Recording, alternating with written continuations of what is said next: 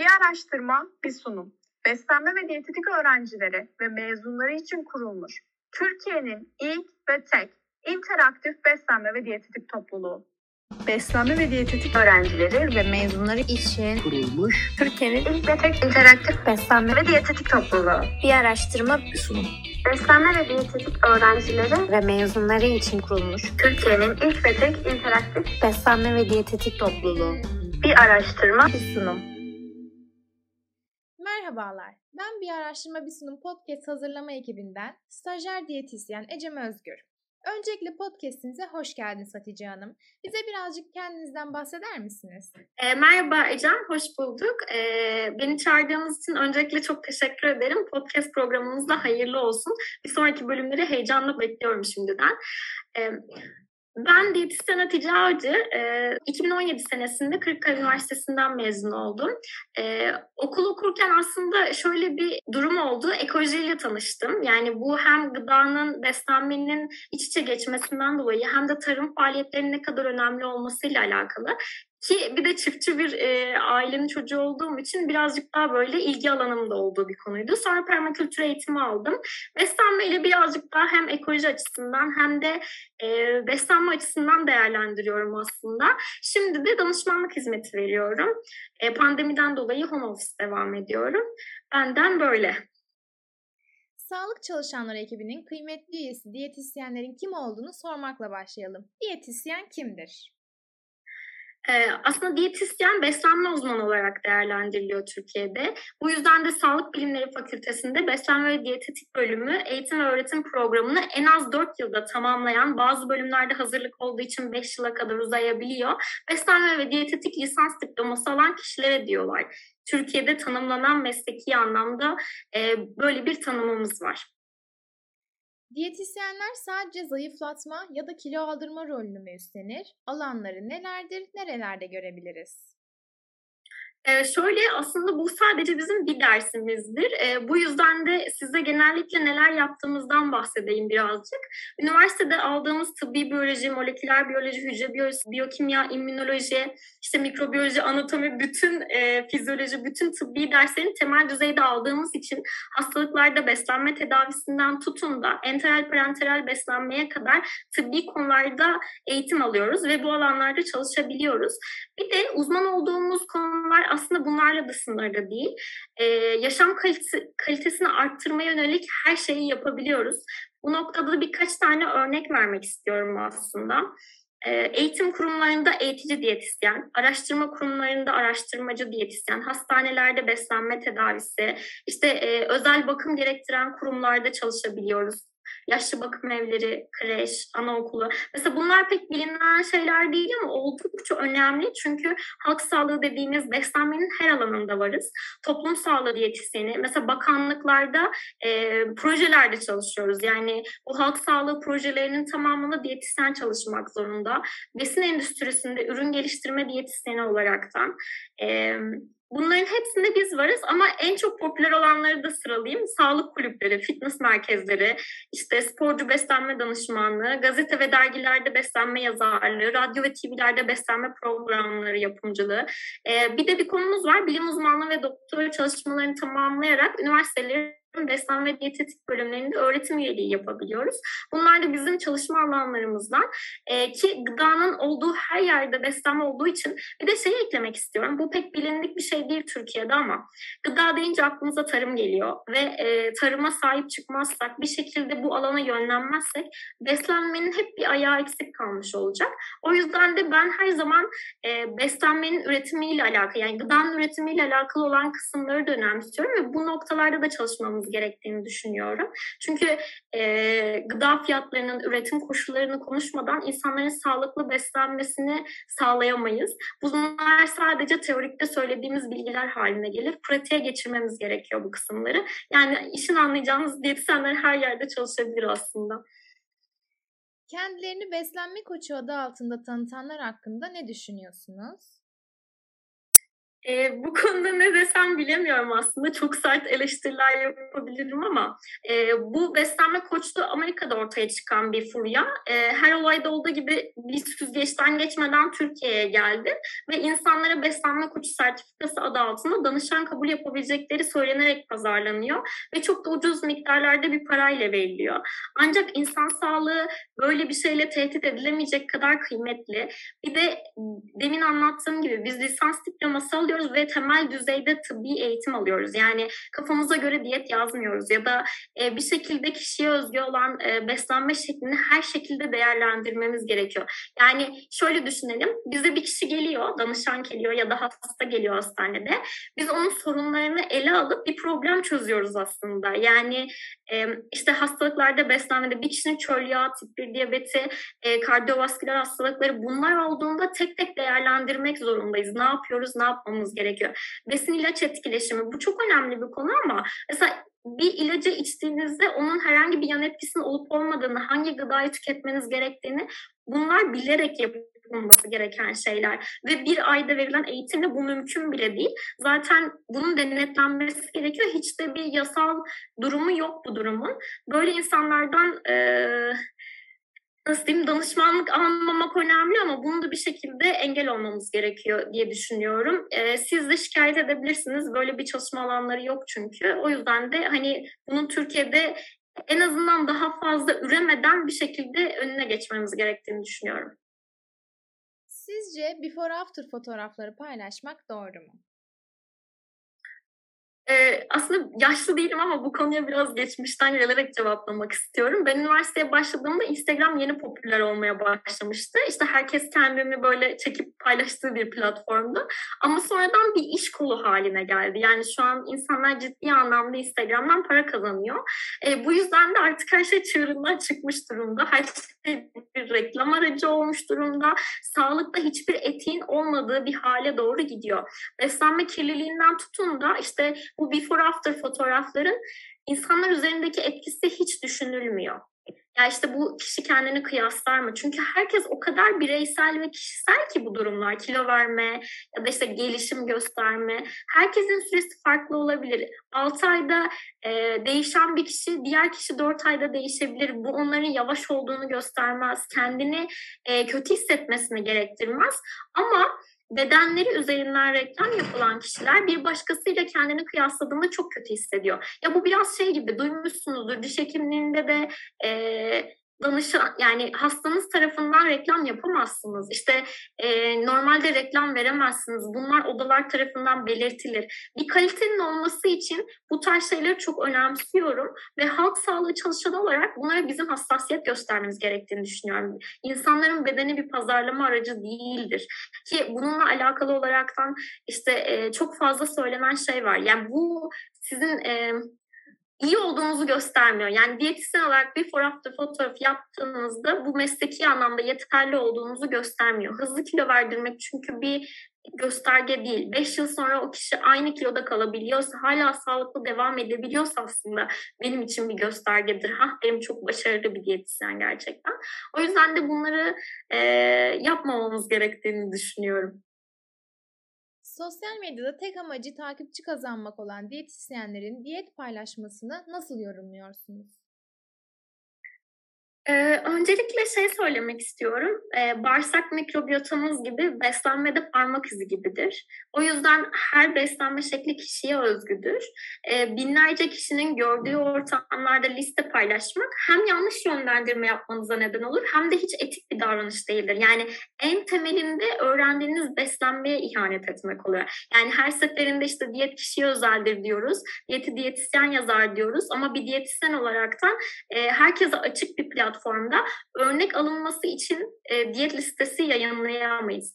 E, hastalıklarda beslenme tedavisinde mesela e, kılavuzlarda bir e, şey olur. Mesela diyelim ki işte günlük 2000 kalori alması gerekenler bunları yiyebilir. Şimdi orada genel bir öneride bulunduğu için e, 2000 kalorilik bir diyet şekli gösterebiliyor ama miktar çok belirtmez, porsiyon miktarını belirtir. Hani örnek almanız gerektiği için böyle bir şey yazar. Ama siz kalkıp da 1200 kalorilik, 1000 kalorilik, işte 3 günlük, 5 günlük zayıflama şeklinde ve insanların işte uyguladığında hemen sonuç alabileceğini söylediğiniz şekilde pazarlama yöntemi olarak bunu kullanamazsınız. Bu hiç etik değildir. Ayrıca da insan sağlığını tehlikeye atmaktır. Oradaki sizi takip eden insanların hastalık geçmişini bilmiyorsunuz. Onların yaşam tarzını bilmiyorsunuz. Herhangi bir kilosunu işte 120 kilo olan birine de aynı listeyi veriyorsunuz. 60-70 kilo olan birine de ve bunlar aynı şekilde yapıyor ve bu gerçekten sağlık problemlerine neden olabilir ve hani e, hem yasal değil hem de etik değil. Ee, peki bu bilgi kirliliklerini nasıl önleyebiliriz? Ee, bu konuda aslında tıp fakültesinin halk sağlığı e, departmanı çok e, çalışıyor. Bunun nedeni de şöyle, ben eskiden böyle şey diye düşünüyordum işte bu mezun olduktan sonra Instagram'da gördüklerimden sonra böyle şey dedim ya işte bu bilgi kirliliğini nasıl önleyeceğiz? Bu insanlar nasıl bunları söyleyebilir? Anlamıyorum gibi böyle isyanlardaydım. Ama şunu fark ettim. Ee, bu kirliliği önlemek bir iki kişinin yapabileceği bir şey değil ve çok zor bir şey. Yani burada özgürlük alanların kısıtlanması, işte kişinin elinden Instagram kullanma hakkını alamayız. Yani o insanlara bir şekilde bilgi yayma, yaymalarını engelleyemeyiz. Bu yüzden insanları bir şekilde ya e, eleştirel düşünmeyi öğretmemiz lazım. Yani bunlar bak yanlış olabilir ve sen bunu kendin karar ver. Onları bir şekilde araç kutusu hazırlamamız gerekiyor. Bak bu bilgiyi teyit etmen gerekiyor. Doğruluğunu bir şekilde e, sana kanıtlamadan sunuyorsa özellikle de hayatından bir besini çıkart. İşte şunu kendine tanı koy. İşte kalsiyum almak için sütü bırak. Ya böyle e, temel düzeyde Dünya Sağlık Örgütü'nün söylediği şeylerle çelişen bilgiler varsa bunun yanlış olduğunu kişinin kendinin anlaması gerekiyor. Bu yüzden de bu konuda e, sosyal medyayı eğitmek amaçlı kullanabiliriz. Hani bireysel anlamda ne yapmamız gerektiğini soruyorsanız ama onun dışında zaten büyük ölçekli bir etkileşime ihtiyaç var ve bunun için de zaten halk sağlığı uzmanları harıl harıl çalışıyor. Çok önemli bir konu. Yani bu iler katlanarak artıyor, daha da artacaktır eminim ki. Bir diyetisyende olması gereken özellikler nelerdir? Bunun çok kişisel bir soru olduğunu düşünüyorum. Çünkü herkes kendi farklılığını bir şekilde ortaya çıkartması gerekiyor. Yani ben Hatice'yim ve başka bakıyorum beslenmeye, dünyaya. O yüzden de e, bir diyetisyende olması gereken özellikler nedir bilemem. Ama eğer beslenme bilimi yapan kişiler ne olmalı? Yani hani bilimsel anlamda ne gibi kriterlere sahip olmalıyız derseniz güncel bilgiyi takip etmeliyiz ve bir şekilde e, bilimsel kanıta dayalı bilgiden uzaklaşmamalıyız. Yani böyle yapılan çalışan e, çalışmaları kendimiz özel öznel bir şekilde yorumlamalı, yorumlamamalıyız. Yani burada e, kişinin farklılığını göz önüne almamız gerekiyor. Bir şekilde kendimizi bu anlamda geliştirmemiz gerekiyor. Yani biraz kendimize bakmakla alakalı. Siz kendinizi nerede görüyorsanız bir şekilde. Mesleğimizin kolay ve zor yönleri nelerdir? Bu zorlukları aşmak için nasıl bir yol izliyorsunuz? E, mesleğimde en zorlandığım şey aslında sürekli kendimi anlatmaya çalışmak. O da şundan dolayı e, o kadar çok yanlış algı var ki beslenme konusunda. Sürekli yaptığım konuda kendimi kanıtlamam gerekiyor gibi düşünüyorum. İşte e, bu az kalori diyetlerin verilmesi, hızlı kilo verdirmeler, detoks programları, yani duyabileceğiniz, aklınıza gelebilecek her şey. İşte eliminasyon diyetlerinin kötü anlamda kullanılması, fonksiyonel tıpçılar, hani o kadar çok alan var ki ve her seferinde bunları yanlışlamam gerekiyor ki hani gerçek konuya gelinceye kadar e, gerçekten çok bir, büyük bir efor sarf ediyorum. Bu da beni açıkçası çok zorluyor. Ee, diğer zorlandığım bir konu da beslenme danışmanlıkla ilgili Türkçe kaynağın çok olmaması.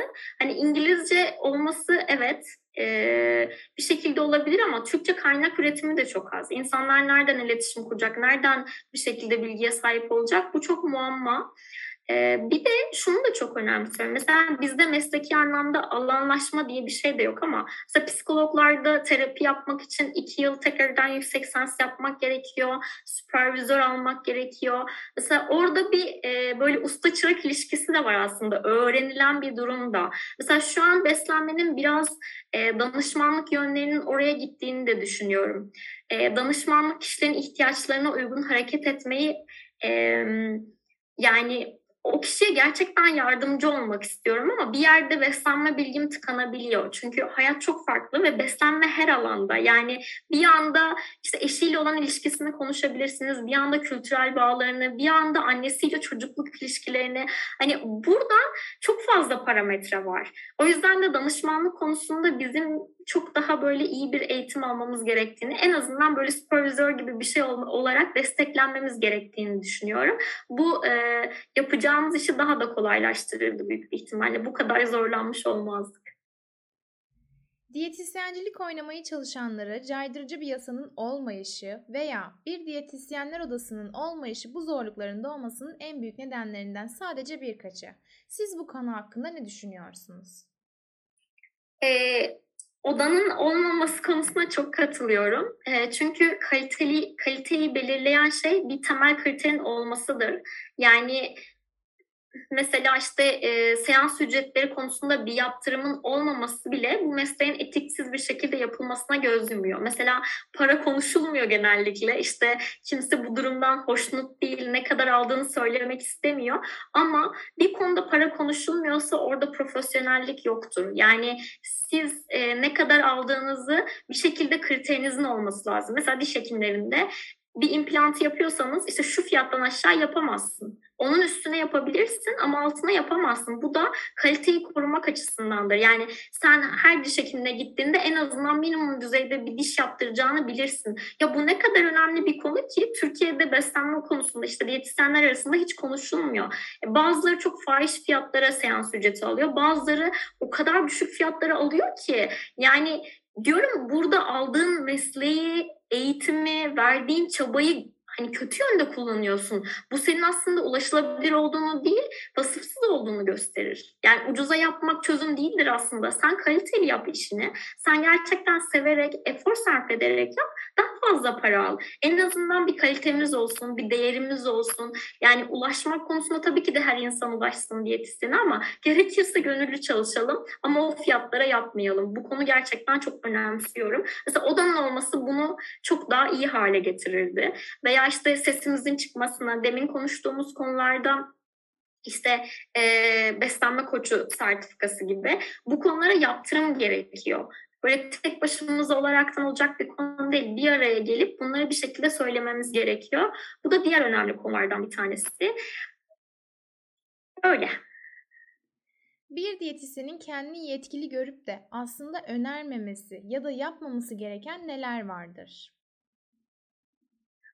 Bunu şöyle anladım. Yani diyetisyenin kendini yetkili göreceği konular başında takviye vermek olabilir. Hani insanlara sürekli.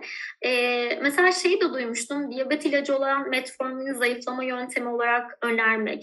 Enteral parenteral mamaların tercihine biz karar veriyor olsak da doktor reçetelendirmesini yapıyor. Mesela bu tarz konularda e, yet, yetimiz olmamasına rağmen reçete etmek yani olmaması gereken bir şey ama bu yasalla değil zaten yani böyle bir yetkilenmemiz yok. Şikayet durumunda hukuki anlamda bir cezai yaptırım uygulanır. Her mesleğin bir sınırı olduğu gibi diyetisyenlik mesleğinin de bir sınırı vardır. Peki diyetisyenlik mesleğinin sınırları sizce nelerdir? E, bu konuyu birazcık daha açmak istiyorum. Mesela meslek sınırı e, ne demek Ecem? Yani bundan bana biraz bahsedebilir misin? Ben şey gibi düşündüm çünkü. Yani bir sınır derken tabii ki de işte hekimin işi, hemşirenin işi, sağlık çalışanın işi, psikoloğun işi. Şimdi biz e, multidisipliner çalışan bir meslek grubuyuz. Tek başımızda çalışmamız o kişinin sağlığını iyi yönde etkiler ama işte birlikte çalıştığımızda çok daha iyi etkiler. Bu yüzden de kendi alanımızı bilmek. Mesela işte enteral parenteral beslenmede olduğu gibi ben bu kişinin her şeyini hesaplamam lazım. Bir kardiyolog e, yoğun bakımda yatan hastasının ne yiyeceğini, kaç kalori alacağını bilmez. Bilmesine de gerek yoktur zaten. Biz bu yüzden varız. Şimdi böyle bir şeyden bahsediyorsan evet gerçekten sınırlarımızı iyi bilmek kendimizi de iyi ifade etmemizi sağlar. Oraya sarılmamızı mesela hastanede ben şey yaşamıştım staj yaparken işte e, gastroenterologtu galiba. Hastasına diyet yazdım ve adam ikinci hastasına diyet yazmam için kendi gelip rica etti. Ya dedi hani çok iyi bir e, etki gördük. Diğerine de yazar mısınız? Şimdi böyle şeyler yapmak bu sefer ben mesleğimi bildiğim için ve önemsediğim için o kişiye iyi olduğunda siz de bir şekilde görünür oluyorsunuz. Sınırlarınız oluyor. Mesela bir hekim diyet yazdığında mesela e, bunu endokrinologlar çok yapıyor. Diyabet e, yani diyabet diyetisyeniymiş gibi davranıyor aslında. İşte diyet yazıp yolluyor. Bunları bunları yeme diyor, gönderiyor. Mesela burada gidip hakkınızı savunmanız lazım. Ya hayır sen bunu yazamazsın. Ya ben nasıl ilaç yazmıyorsam sen de beslenme yazmayacaksın. Beslenme menüsü yazmayacaksın. Planı yapmayacaksın o kişiye. Bunu dememiz lazım. Ama bu yine aynı kapıya çıkıyor. Siz mesleğinize sahip çıkmazsanız ve kendinizi bu anlamda geliştirmezseniz sürekli herkes alanınıza girer. İşte hemşire girer, doktor girer, psikolog girer, işte e, sporcular girer, girer de girer. Burada sınırlarını sınırlarımızı bizim belirlememiz gerekiyor. Ee, biz de burada hem meslekler arası sınırlarımızı hem de alanlarımızdaki e, sınırlarımızdan bahsetmiştik hocam. Mesela, ya burada alanlar arasındaki sınırlar dediğin sporcu beslenmesi işte Evet. diğer konular. Evet. Ya, mesela e, bu arada şeyi de söylemek lazım. E, bu meslekte keşke alanlaşma olsa. Yani e, ben hep şeyi söylüyorum. Sporcu beslenmesi deniz derya bir konu. Diyabet diyetisyenliği deniz derya bir konu. İşte böbrek hastalıkları farklı. Enteral parenteral farklı farklı, işte kurum diyetisyenliği farklı. Şimdi herkes tamam temel düzeyde bir eğitim oluyor ama bu kadar bilgiye erişmek çok zor. Hepimizi yıpratıyor. Hepimiz bu alanlarda çalıştığımızda kendimizi yeterli hissetmek için bile bir sürü okuma yapmak zorundayız. Bu yüzden de odamızın olması belki bu mesleki anlamda alanlaşmayı da getirir ve çok da güzel olur açıkçası. Evet hocam çok haklısınız. Ee, bir diyetisyen dayına mutlaka yap ve yapma şeklinde okurken veya mezun olduktan sonra önereceğiniz birer öneri alabilir miyiz? Öncelikle bu konuda ilk söylemek istediğim yalnız değilsiniz öğrencilere. Ee, böyle hep kendini yalnız hissediyor insan çünkü. Bu mesleği iyi yapmaya çalışan bir sürü meslektaşınız var. Bunu söylemek istiyorum. Hepsi de daha, daha iyi nasıl yapabiliriz diye kafa yoruyor. O yüzden de ben o etiksiz diyetisyenler gibi olmak istemiyorum. Ne yapacağım demeyin. Mutlaka gördüğünüz iyi çalışan birileriyle görüşün. E, fikir isteyin ne yapabileceğinizle ilgili. E, mezun olmadan önce bunları yapın. Sürekli yazın. Mesela benim en çok zorlandığım şeylerden bir tanesi oydu. İşte hocaya yazamazdım. Acaba işte şey yapar mı? Hani rahatsız olur mu? Rahatsız etmeyeyim falan. Yok. Kimse rahatsız olmuyor. Yani hani istediğiniz kadar yazabilirsiniz. Hatta birkaç kere yazın kendinizi hatırlatın. Onlardan fikir. Bir de umutsuzluğa kapılmak e, yapacağınız en son şey olsun. Bunu kendime de söylüyorum sesli bir şekilde. Çünkü e, biz bu bir şekilde bu mesleği zorlansak da en iyi şekilde yapmaya çalışıyoruz.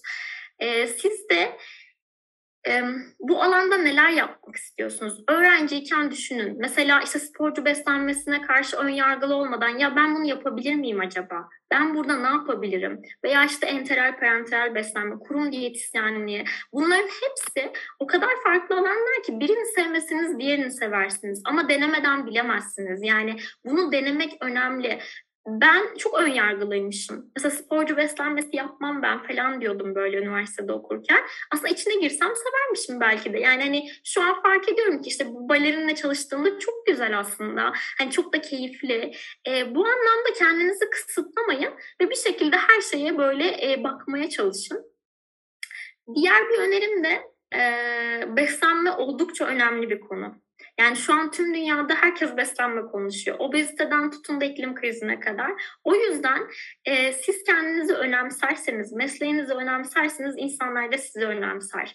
E, bilmediğimiz birçok şey var. Yani beslenme ile ilgili bilimsel anlamda da, insanların anlamında da. Mesela pratikte yaptığınızla teorikteki uyuşmadığında bunlara not almak önemli. Bilmediklerinizi. Çünkü ilerleyen süreçlerde şeyi görebiliyorsunuz aa evet ya ben bunun teorini okudum ama pratikte böyle değilmiş. Çünkü genellikle akademide olan insanlar teoriyi yapar ama pratiği çok bilmezler. Pratikten gelen çok az kişi vardır araştırmacı olarak. Siz bunları yapmaya çalışın. Farklılıklarını görmeye, yeni yeni şeyler araştırmaya. Yani okuduğunuz her şey size bir şey katacaktır. O yüzden de bol bol okumamız gereken bir alan olduğunu düşünüyorum. Bunları önerebilirim. Sizce diyetisyenler mesleklerine nasıl katkı sağlayabilir? Ee, bu soruyu bir önceki soruyla aslında bağdaşıyor ama şeyi söyleyebilirim. Mesela İngilizce konusunda şu an işte tartışılan her konu İngilizce. O yüzden de hani bunu şey gibi düşünmek lazım. Ben danışan bakacağım sadece neden İngilizce öğreneyim ki? Ee, öyle olmuyor.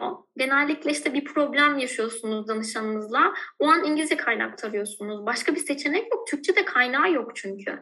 O yüzden de İngilizce öğrenmek önemli. Üniversitedeyken, işte mesleğinizin birinci yılınızdayken zaman kaybı olarak görmeyin bu konuyu. Oturun ve bir şekilde İngilizceyi halletmeye çalışın. Ki şöyle söyleyeyim, e, ben kendimin İngilizce öğrenemeyeceğini düşünüyordum ve sürekli bu konuda kendimi işte kötü hissediyordum. Nasıl öğrenemem falan ki işte Anadolu Lisesi mezunuyum, hazırlık okudum. Bir şekilde her şey üst üste gelmesine rağmen olmuyor. Bunun nedeni ben değilmişim ya da siz değilsiniz. Yani İngilizce bilmiyorsanız sorun sizde değil. Türkiye'deki öğretme şekillerinde böyle dil öğrenilmez. Ama işte bunu bir şekilde e, Türkçe konuşmayı öğrenen bir İngilizceyi neden öğrenemez diye sorgulamamız gerekiyor. Öğrenebiliyoruz ama yanlış yöntemle öğretildiği için e, kendimizi ifade edemiyoruz. O yüzden de denemeye devam etmemiz gerektiğini düşünüyorum. Sizce diyetisyenler ne yaparak mesleklerine zarar verebilir? Bu konuda yine demin söylediğim gibi yani bu e, insanın en çok kendine zarar verdiğini düşünüyorum. O yüzden de mesleki anlamda eğer bir zarardan bahsedeceksek bu kişinin kendine verdiği zarar. Yani sen mesleğini önemsemezsen, küçük düşürürsen bu aslında dönüp dolaşıp yine kendine geliyor. Bana geliyor hani bir şekilde. Birbirimizi etkiliyoruz çünkü. O yüzden atacağımız adımları hani e, hem kendimizi düşünerek hem de karşıdaki meslektaşımızı düşünerek yaparsak işte ben buradan az para alıyorum ama bu mesleğin durumu nereye gidiyor? Ya da işte ben öncesi sonrası fotoğraf paylaşıyorum ama bu ne demek? Hani yaptığımız her hareketi biraz düşünürsek bence çok daha iyi sonuçlar çıkacağını düşünüyorum. Sonuçta hepimiz insan sağlığı için çalışıyoruz. Yani amacımız eğer ortak gayemiz buysa bir şekilde kendimizi sürekli çek etmemiz gerekiyor. Doğru mu yaptım, yanlış mı yaptım? Hata yapmak da problem değil. Tabii ki hepimiz hata yapabiliriz. Orada sıkıntı yok. Ama bu hatadan ders çıkartıp Aa, evet ya ben bunu yaptım ama bu yanlışmış. Bunu nasıl düzeltebilirim diyorsak zaten diyetisyenler meslek için en iyi yapması gereken şeyi yapmış oluyor bence. Bir diyetisyen meslek etiğini korumak için neler yapmalı, neler yapmamalı? E, bu da şöyle bir durum bence. Şimdi biz kanıta dayalı bilimin ışığında çalışıyoruz. Beslenme bilimi kanıta dayalı beslenme bilgisini kullanarak hastaları tedavi etmektir veya danışmanlık hizmeti vermektir. Bu da e, öneri verirken hangi kriterleri kullanmalı kullanmalı kısmını iyi bilmesi gerekiyor diyetisyenin. Yani ben bunu sana öneriyorum ama bu ne demek? Yani ben bunu niye öneriyorum? Kanıta dayalı mı? Bunun çalışması yapılmış mı? Ki e, her çalışmaya güvenilmemesi gerektiği mesela işte gluten konusu çok popüler. Tek bir tane makale var yapılan çalışmalarda destekleyen gluten intoleransı ile alakalı. E, bir çalışmayla bir diyetisyen öneride bulunabilir mi? Yani bunu yapıyorsa aslında beslenme biliminin o kanıta dayalılığını hiç anlamamış demektir. Orada bir sıkıntı olduğunda da e, yapmaması gereken şeyler ortaya çıkıyor.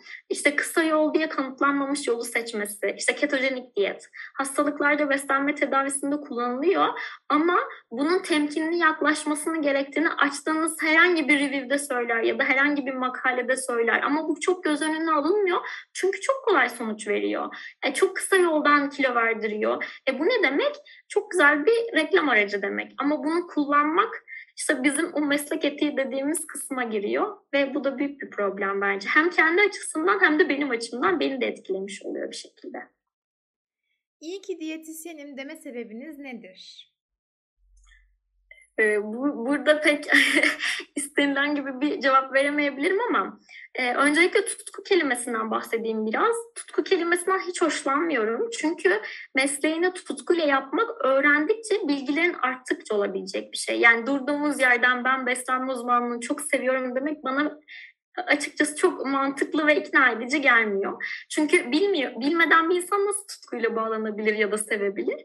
Ama şu soruya 10 sene 10 sene sonra çok farklı cevaplar verebilirim. En azından daha fazla derinleştikten sonra evet tutku tutkum haline geldi diyebilirim. Ama şunu söyleyeyim. Eee İyi ki beslenme uzmanıyım demedim o yüzden hiçbir zaman şimdiye kadar. Ama hangi mesleği yaparsam yapayım iyi yapmaya çalışacaktım zaten. Yani insanlara yardım etmekti amacım. Bu yüzden de çocukluğumdan beri var olan isteğimi bir şekilde ortaya çıkartmak istiyorum. Yani ben bu mesleğe girdiysem elimden gelenin en iyisini yapmak istiyorum. İnsanlara yardım etmek, bir şekilde onlara faydalı olmak istiyorum. O yüzden de bu mesleğe şans eseri girsem de girdikçe okudukça çok seviyorum. Çünkü o kadar farklı alanlar var ki ve o kadar bilinmeyen şeyler var ki böyle her gün bir şey keşfedebilirsiniz, her gün bir şey sorgulayabilirsiniz. Bu çok güzel bir şey. Yani o yüzden de bu durumdan çok memnunum. E, ama dediğim gibi iyi ki diyetisyenin gibi bir durumum olmadı ama şu an gerçekten mutluyum bu konuda. E, son olarak mesleğimizin geleceğini nasıl görüyorsunuz? Buna biraz kendimle de cevap vereyim. Şimdi hem işte permakültür eğitimi aldığımda hem ekolojiyle e, bağdaştırdığımda gıda konusu her zaman çok popüler oldu. Herkes tarafından ilgi çekiyor ve insanlar hep bu konuda konuşuyor. Yani nereye giderseniz gidin hep bir gıda konusu var. Ama bu her hem avantajlı hem dezavantajlı bu durum. E, bilgi kirliliğinin olması ve popüler hale gelmesi için çarpıcı söylemlerin olması çok e, içten geliyor insanlara işte çok değişik bir şeyler söylesinler. Böyle sıradan şeyler değillermiş gibi hissettiriyor. Ben de bu konuda şunu söyleyebilirim. Sinir bilim, beslenme ile beyin gelişimi üzerinde oldukça çarpıcı çalışmalar yapıyor. Bu konular daha da önemli hale gelecek çünkü. Sinir bilim, beslenme, beyin gelişimi bunlar çok önemli. Mesela bu yönlerde çalışmalar yapabilirsiniz. Ya da işte gelecekteki gıdalar konusuyla alakalı yapay etler, böcekler, alpler beslenmemizde bir şekilde yer olacağı söyleniyor. Ve bunun insan florası yani bağırsak sistemimize uygun olup olmadığı ya da bir şekilde beslenmemizin nasıl olacağı. Çünkü tat, lezzet, koku, e, kültürel yapılar, yemekler yani o kadar çok farklı şeyden bahsediyoruz ki bunları hayatımıza alırsak neler olabilir? Veya bunların gelişimi nasıl olacak? Bunların hepsinin tartışılması lazım. Ya da e, gıda konusunda son zamanlarda belki denk gelmişsinizdir. Glasgow'da bir konferans oldu, iklim konferansı Kasım ayında. Orada konuşulan en büyük konulardan bir tanesi gıdanın e, karbon ayak iziydi. Mesela beslenme uzmanlarının bu konuda destek vermesi lazım. Mesela eti yasaklayalım veya işte eti hayatımızdan çıkartalım. Peki problem ne olacak? Yani bunun sonucu ne olur? Bunların hepsinin konuşulması lazım. Yani tek problemimiz obezite değil, konuşulacak birçok konu var. Ve gelecekte bence e, beslenme daha da popüler hale gelecek. Yani şu an konuştuğumuzun çok e, kat ve katını konuşuyor olacağız. Çünkü her şey verimlilik üzerinden ilerliyor. İnsan bedeni çok önemli. Sağlıklı olabilmesi çok önemli. Mesela geçenlerde okuduğum kadarıyla obezitenin e, düşünme üzerindeki etkinliği tartışılıyor. Ve bu da mesela Amerika'da %60'ı obez, Türkiye'de çok yüksek düzeylerde. Bu halkın bir kısmını sizi geriye götürmesi demek. Ve bunlarda siz siz eğer bilgili olur ve farkındalığınız yüksek olursa her zaman her yerde konuşabilirsiniz. Bizim sorularımız bu kadardı. Bir araştırma bir sunum topluluğunun podcast alanında içerik üretmesine destek olduğunuz için çok teşekkür ederiz. Kendinize iyi bakın. Ben teşekkür ederim. Hoşçakal.